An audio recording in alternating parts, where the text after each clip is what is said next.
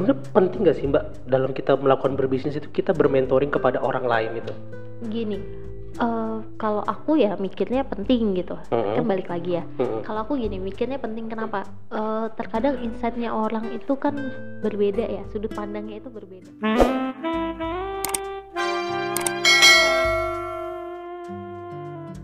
Oke well guys, balik lagi di Dibilang Channel. Kali ini kita eh, di Dibilang Podcast lagi ya. Sebelumnya aku salam dulu buat kalian. Assalamualaikum warahmatullahi wabarakatuh. Buat kalian yang baru nemu channel ini langsung aja di subscribe, klik lonceng notifikasinya, eh, tonton kita sampai selesai. Karena hari ini aku ngedatangin salah satu pelaku UMKM yang ada di Balikpapan yang cukup sukses dan berpengaruh. Kali ini aku datang ke tempatnya ya, ke kafenya karena kalian lihat sendiri hari ini settingan dari background dari videonya ini berbeda ya karena aku nebeng kafenya gitu sebagai studio dadakan seperti itu oke langsung aja kita kenalan dengan Mbak Endah Trihapsari oh iya ya Mbak Endah bisa kita langsung aja deh Mbak Endah Hmm. Mbak Endah kan sebagai eh, pelaku UMKM Kota Balikpapan ya Hmm. Hmm. Eh, awal mula UMKM tuh eh, awal mula berbisnis itu bisa diceritakan enggak? oh awalnya ya Iya. Awalnya sih kita ini berdiri tuh 2015 cuman eh, bener-bener dari etalase aja sih. Jadi kayak eh, iseng juga sih jualan. Jadi eh, dua rumah dari sini tuh kan waktu itu eh, ngeles les SMP Heeh. nah habis itu kayak banyak anak-anak lewat. Kayaknya tuh peluang banget nih gitu kan.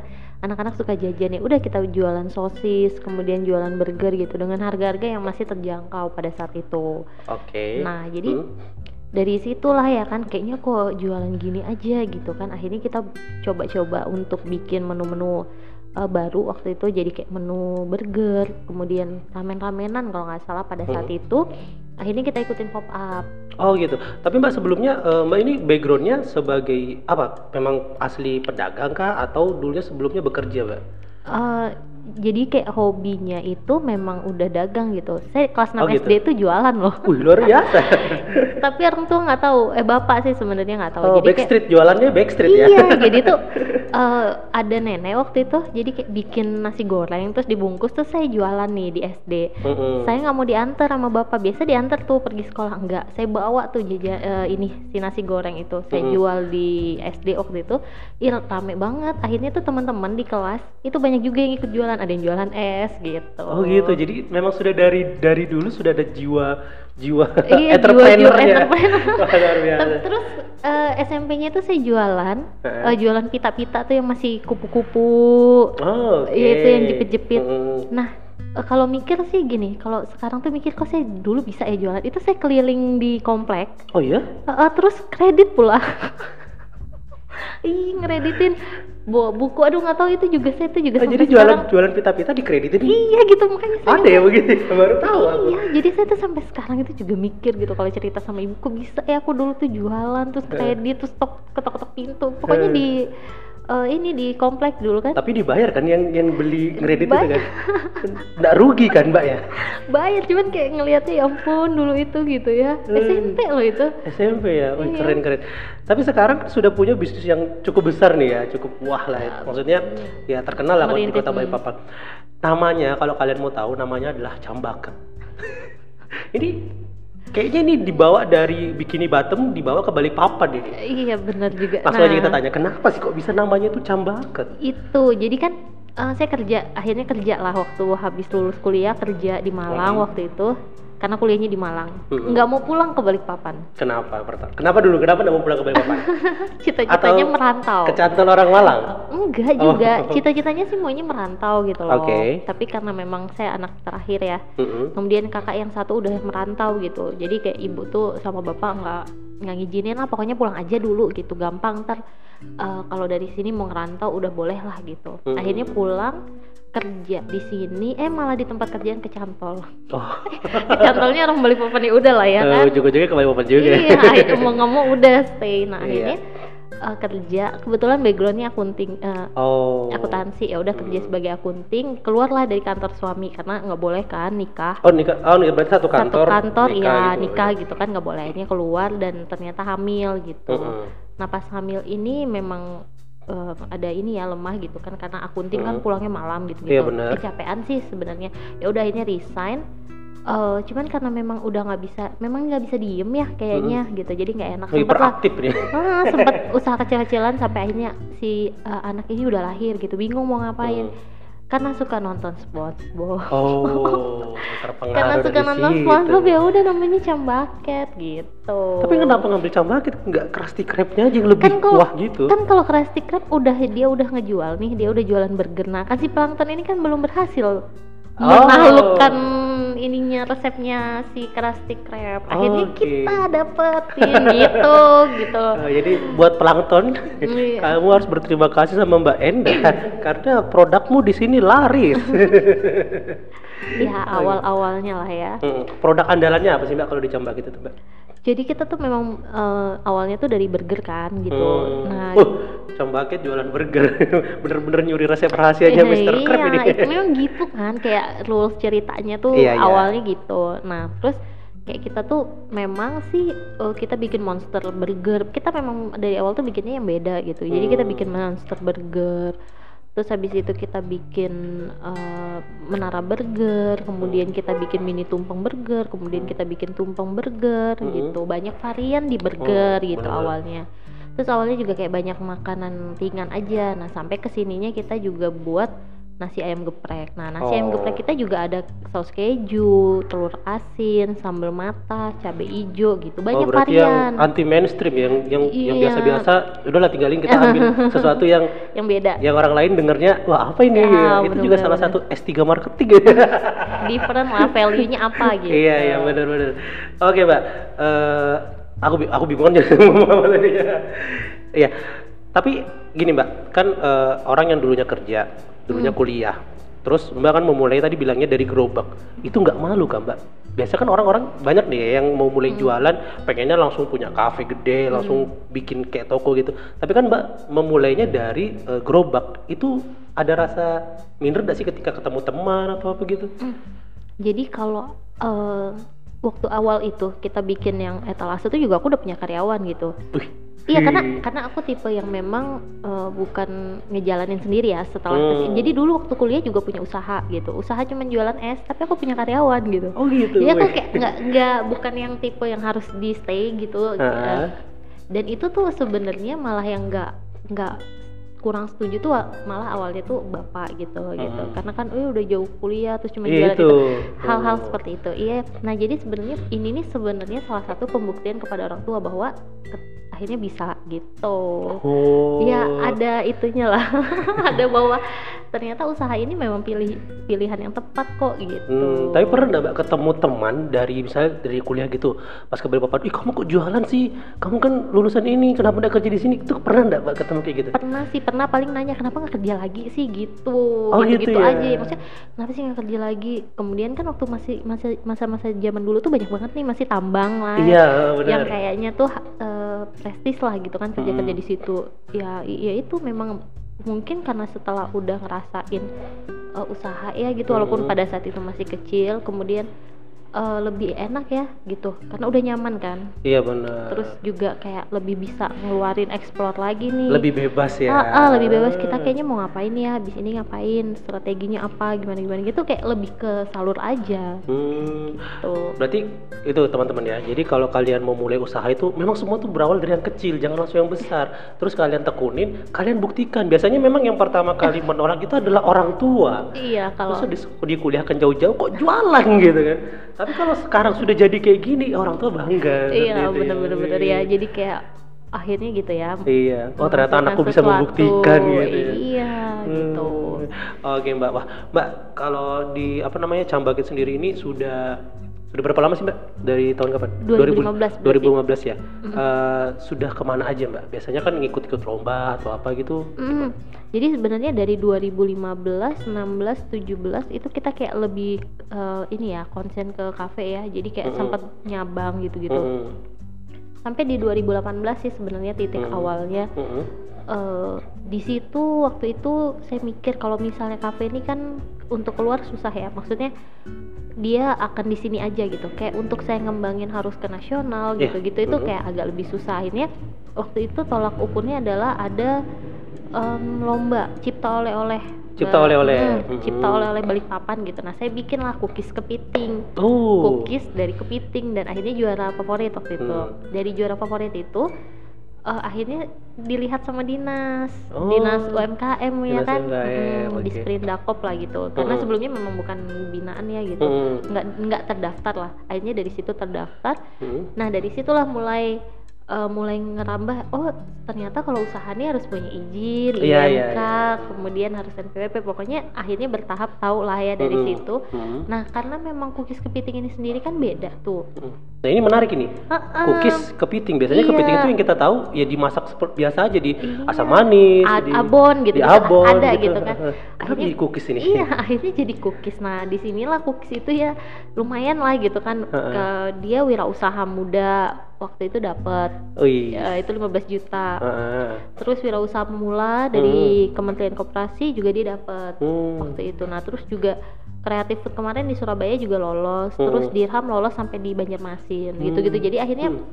eh, banyak banyak sih yang dia dapat lah. Maksudnya banyak eh, yang di akhirnya dibikin cookiespedia ini Mm-mm. Uh, karena kan pertama cookiespedia ini kering kan Kering. kemudian juga dia punya keunikan kemudian punya kekasan jadi dari situlah bisa diangkat Mm-mm. Tapi kenapa mbak? Kenapa kepiting?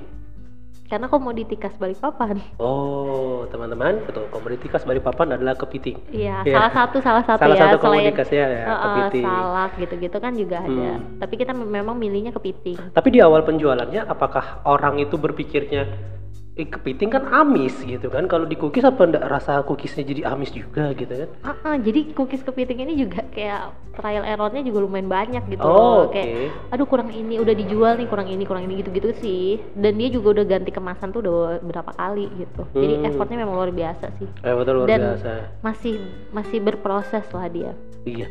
Mbak Indah ini juga pernah diundang sama salah satu stasiun TV kalau nggak salah oh ya. ya net TV waktu itu iya dari cookies juga Oh, bisa diceritain gitu. dong, Mbak. Pengalaman di sana ketemu artis. Aku loh belum pernah. Jadi sebenarnya sih Net TV itu kan memang ngedukung UMKM tuh.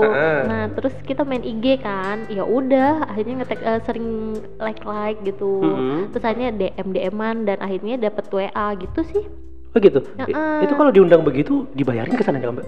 Kalau dibayarin ke sananya nggak paling cuma dapat saku, uang saku gitu Oh, aja oh sih. Biar- gitu. tapi saya Hmm. ganti gitu aja. Hmm, jadi kalau kita mau masuk TV, salah satunya berani DM si ini. Ah, atau enggak sih sebenarnya tuh Gimana, gimana? eh, ini sih semua ya gitu kayak sekarang itu kan lagi eh, kementerian tuh pada pada banyak nih punya Instagram gitu kan. Mm-mm, ya kita betul. sering aja like, sering komen gitu. Oh, Jadi gitu. nanti kita bisa di di apa ya dilihat lah gitu. Hmm. Sama juga sih seperti stasiun-stasiun televisi gitu. Jadi kita Hmm. kayak nge-like terus kita kayak komen, nyeritain. Nanti kalau dia ada apa ya udah komen aja. Oh iya Kak, saya usahanya gini-gini. Otomatis gitu kayak di remind gitu Oh, loh. di remind Jadi iya, gitu. jadi mereka reminder juga gitu. Mm, Karena kan gini mbak ya, kalau di balik papan ini sesuatu yang sudah masuk di TV itu biasanya eh, langsung hype di balik Hmm. karena kayak memang kita ini kayaknya kekurangan artis atau kekurangan hiburan ya. Ketika sesuatu yang masuk TV yang berasal dari balik papan itu kayaknya wah gitu kan. Iya. Eh, jadi eh, aku nih gini, aku kan kayak, nah ini kan lagi pandemi nih, Iya, ini banyak iya. banget, banyak banget sebenarnya eh, event-event lah gitu yang Mm-mm. dilakuin oleh kementerian, kemudian juga eh, CSR-CSR untuk gimana sih cara ngebantu UMKM gitu. Nah Mm-mm. inilah di saat yang tepat bahwa kita tuh show up gitu loh. Hmm, Kita tunjukin bahwa kita ada, tunjukin bahwa kita itu masih fight gitu. Mm. Dan sebenarnya memang PR-nya adalah banyak informasi yang nggak sampai gitu loh. Oh. Jadi di luaran sana itu ya banyak banget sebenarnya em, apa sih acara-acara cuman memang Hmm. terkadang itu terbatasnya ya di kota-kota besar Hmm, gitu. betul, betul, Jadi kayak betul. tapi kan eh, karena sekarang itu daring Hmm, online nggak bisa hmm. akhirnya kesempatan untuk keluar Kalimantan di luar Jawa tuh ada karena kan mereka udah nggak bisa pertemuan nih benar gitu. benar benar benar. Jadi iya. di situlah Ini hal-hal yang- peluang buat kita sebenarnya. Iya, ya. malah malah ternyata sisi positifnya itu ya begitu. Mereka akan lebih welcome. Dulunya yang misalnya mereka ngadain event gitu eh tatap muka ya gitu. Mhm. Paling kan mereka Jakarta, Jogja, lingkupnya di situ-situ aja. eh, Pulau Malang, Jawa lah. hmm, Pulau Jawa gitu. Mhm. Kalau luar aku perhatiin sih Makassar gitu. Hmm. Kalau Kalimantan kayak jarang juga sih sama Sulawesi gitu-gitu Mhm. kan. Nah, eh, itu susah kan kita akomodasi. Tapi sekarang karena dia memang online, ya udah dia bisa ngadain. Akhirnya kita Hmm. bisa ikut lah. Yang penting Google Meeting gini-gini. Dan beberapa eh, event itu kita lagi ikutin. Oh, Oke. Cambaket gitu. Hmm. Kayak ada beberapa mentoring bisnis yang kita memang ikutin dan itu bener-bener oke banget Iya. gitu. Oke mbak, tapi kalau ngomongin masa eh, masa pandemi ini mbak, pasti berdampak dong dengan eh, Mm-mm. penjualan atau pendapatan Bener-bener. dari Cambaket sendiri. Itu gimana cara mensiasatinya mbak? Jadi kayak bener-bener ya itu ujiannya. Jadi sih sebenarnya tolak eh, ininya sih titik eh, terendahnya itu pada saat waktu eh, puasa ya gitu. Mm-mm, waktu benar. puasa eh sebelum puasa gini kita pegang catering sekolahan Oke. gitu. Eh, kita udah belanja nih sore Eh, eh, siang kan udah deal ya oke mbak catering besok tetap gini-gini ternyata sore itu kan ada surat edaran bahwa seninnya tidak eh seninnya pertama itu masuk tapi setengah hari Setengah hari ya betul. nggak taunya sorenya diedarin bahwa tutup nggak nggak Iya. nggak boleh masuk kan itu sekolah. Iya, Eh, kita iya. udah belanja itu 100 gitu kan untuk Wih. 100 porsi akhirnya seninnya kita obral lah Eh, itu semua gitu kan terus nggak masuk lah anak-anak sekolah tuh Ah. sampai saat ini gitu Ah, ah, jadi kita jadi yang satu adalah catering kita udah nggak nggak jalan tuh di stop Catering sekolahnya di stop, oke. Heeh. terus puasaan kan akhirnya PSBB dan nggak boleh dine in udah nggak udah puasa terus nggak boleh dine in pula gitu Betul. padahal mengincarnya misalnya buka puasa gitu-gitu akhirnya kita sempat tutup eh, maksudnya tutup nggak operasional sampai saya tuh mikir gitu ya eh, saya nggak mau mecat karyawan kemudian Mhm. yang kedua itu THR-an Mm-mm, Iya kasihan ya Dan- pas THR kan dipecat lagi.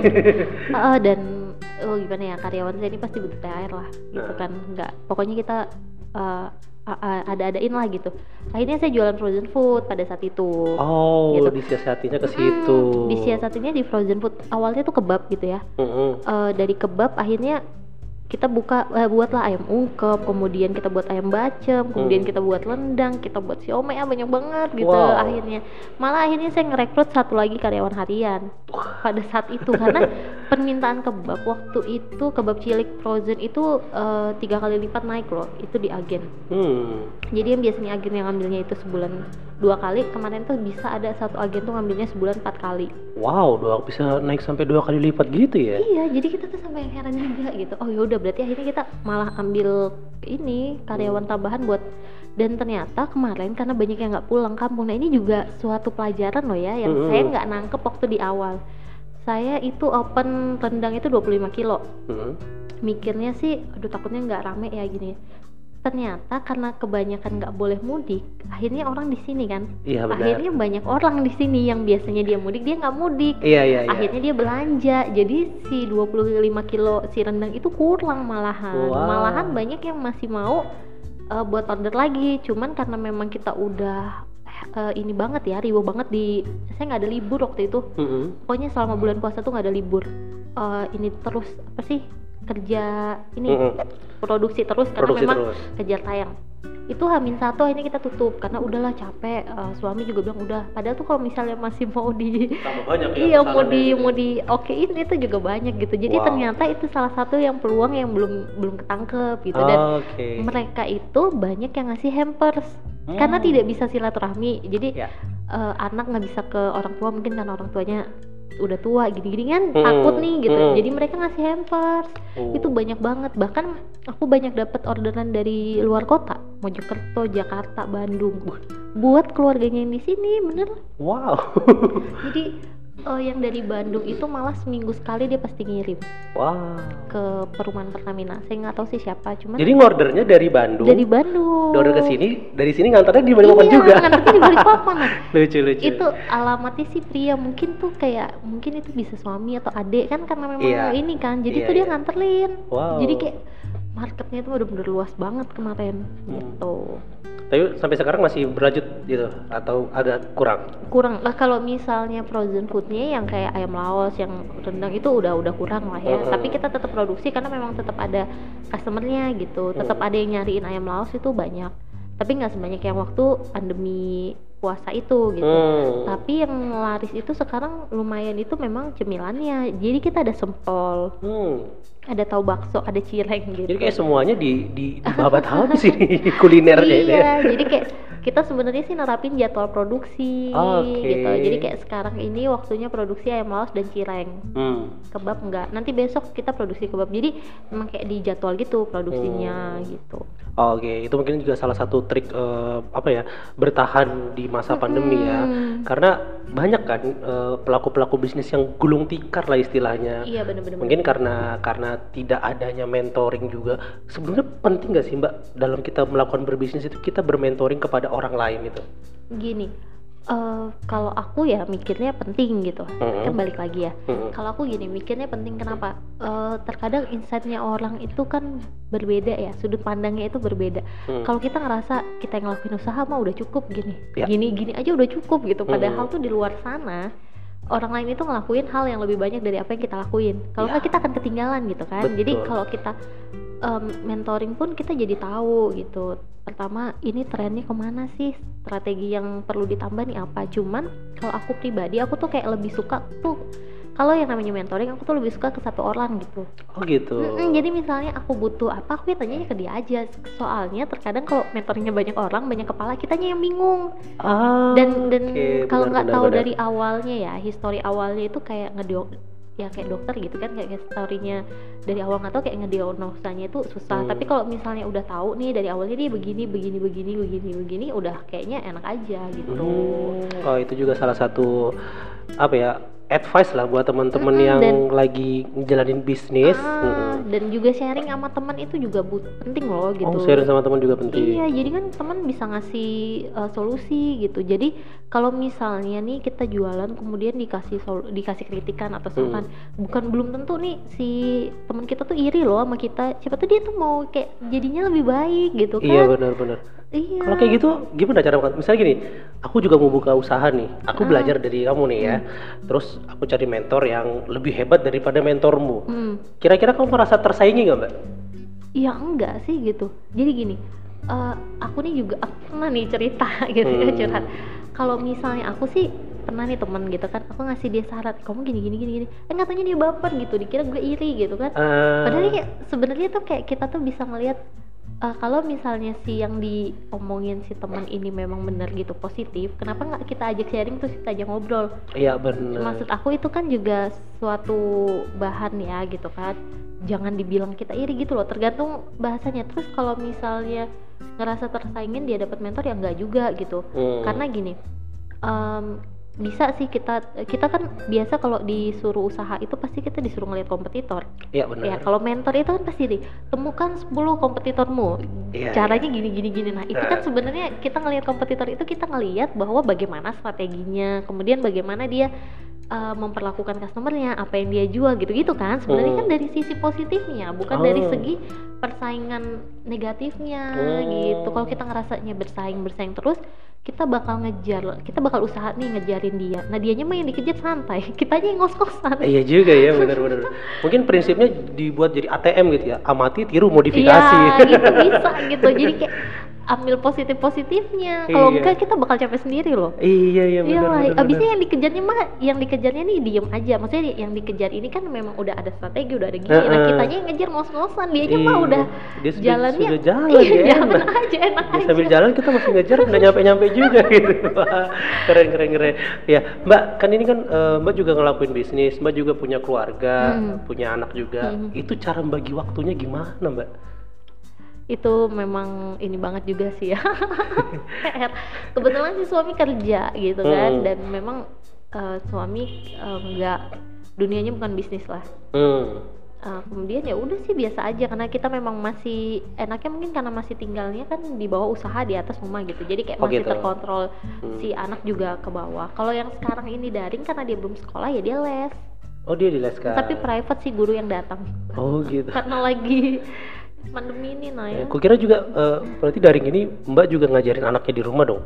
Ada, Ada, masa-masanya itu ya. adalah paling kalau dapat PR dari gurunya itu juga jadi salah satu salah satu PR juga sekarang buat orang tua zaman sekarang ini ya Banget, anak-anaknya banget, sek- banget, banget. sekolah di rumah gitu. Itu. Terus kita juga punya usaha kita punya kerjaan pikirannya bercabang-cabang. Hmm. tapi salah sedikit kayaknya pengen itu cukup dilihat di Facebook curhat curahan mama itu. Eh, Oke deh mbak, mungkin sebagai closing statement eh, biasalah kalau aku ngundang teman-teman ini closing statementnya buat teman-teman yang lagi dengerin, yang lagi ngeliat ini eh, apa namanya motivasi sedikit lah untuk biar hidup lebih baik seperti itu. Silakan mbak. ya sebenarnya sih kalau kayak memulai usaha itu eh, lakukan dulu sih gitu kan Em, mikir sih boleh cuman kok dipikirin terus terus nggak nggak dilakukan kita nggak akan pernah tahu nih ini berhasil atau enggak jadi eh, lakukan dulu terus nanti kalau memang ada kerikil-kerikilnya ya bisa dievaluasi lah gitu yang penting eh, jangan patah men- jangan pantang mundur lah gitu Hmm. jangan menyerah kemudian eh, jangan baperan juga gitu kan Jangan bawa peran.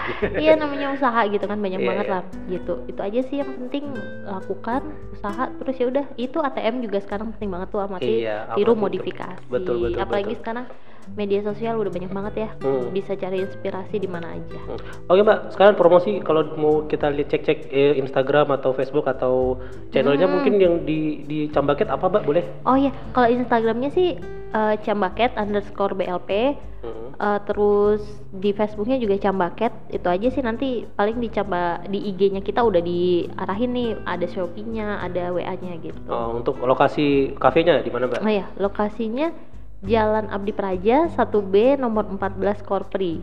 Jadi di daerah Taman Tiga Generasi gitu, Oh, di belakang gedung BPJS-nya sih. Oh gitu. gitu, oke, oke Mbak, terima kasih Mbak Enda. Eh, mungkin buat teman-teman yang dengerin hari ini, kalau kalian suka dengan eh, obrolan kita hari ini, klik aja tombol like di bawah. Kalau nggak suka terserah kalian, karena di bawah juga ada tombol dislike. kalau ada komentar, ada saran, kritik, atau pengen curhat apa, tulis aja di kolom komentar. Jangan lupa subscribe channel kita agar kita selalu berkembang dan memberikan informasi-informasi yang menarik dan juga informatif kepada kalian semua. Terima kasih semuanya. Eh, akhir kalam, wassalamualaikum warahmatullahi wabarakatuh. Bye bye.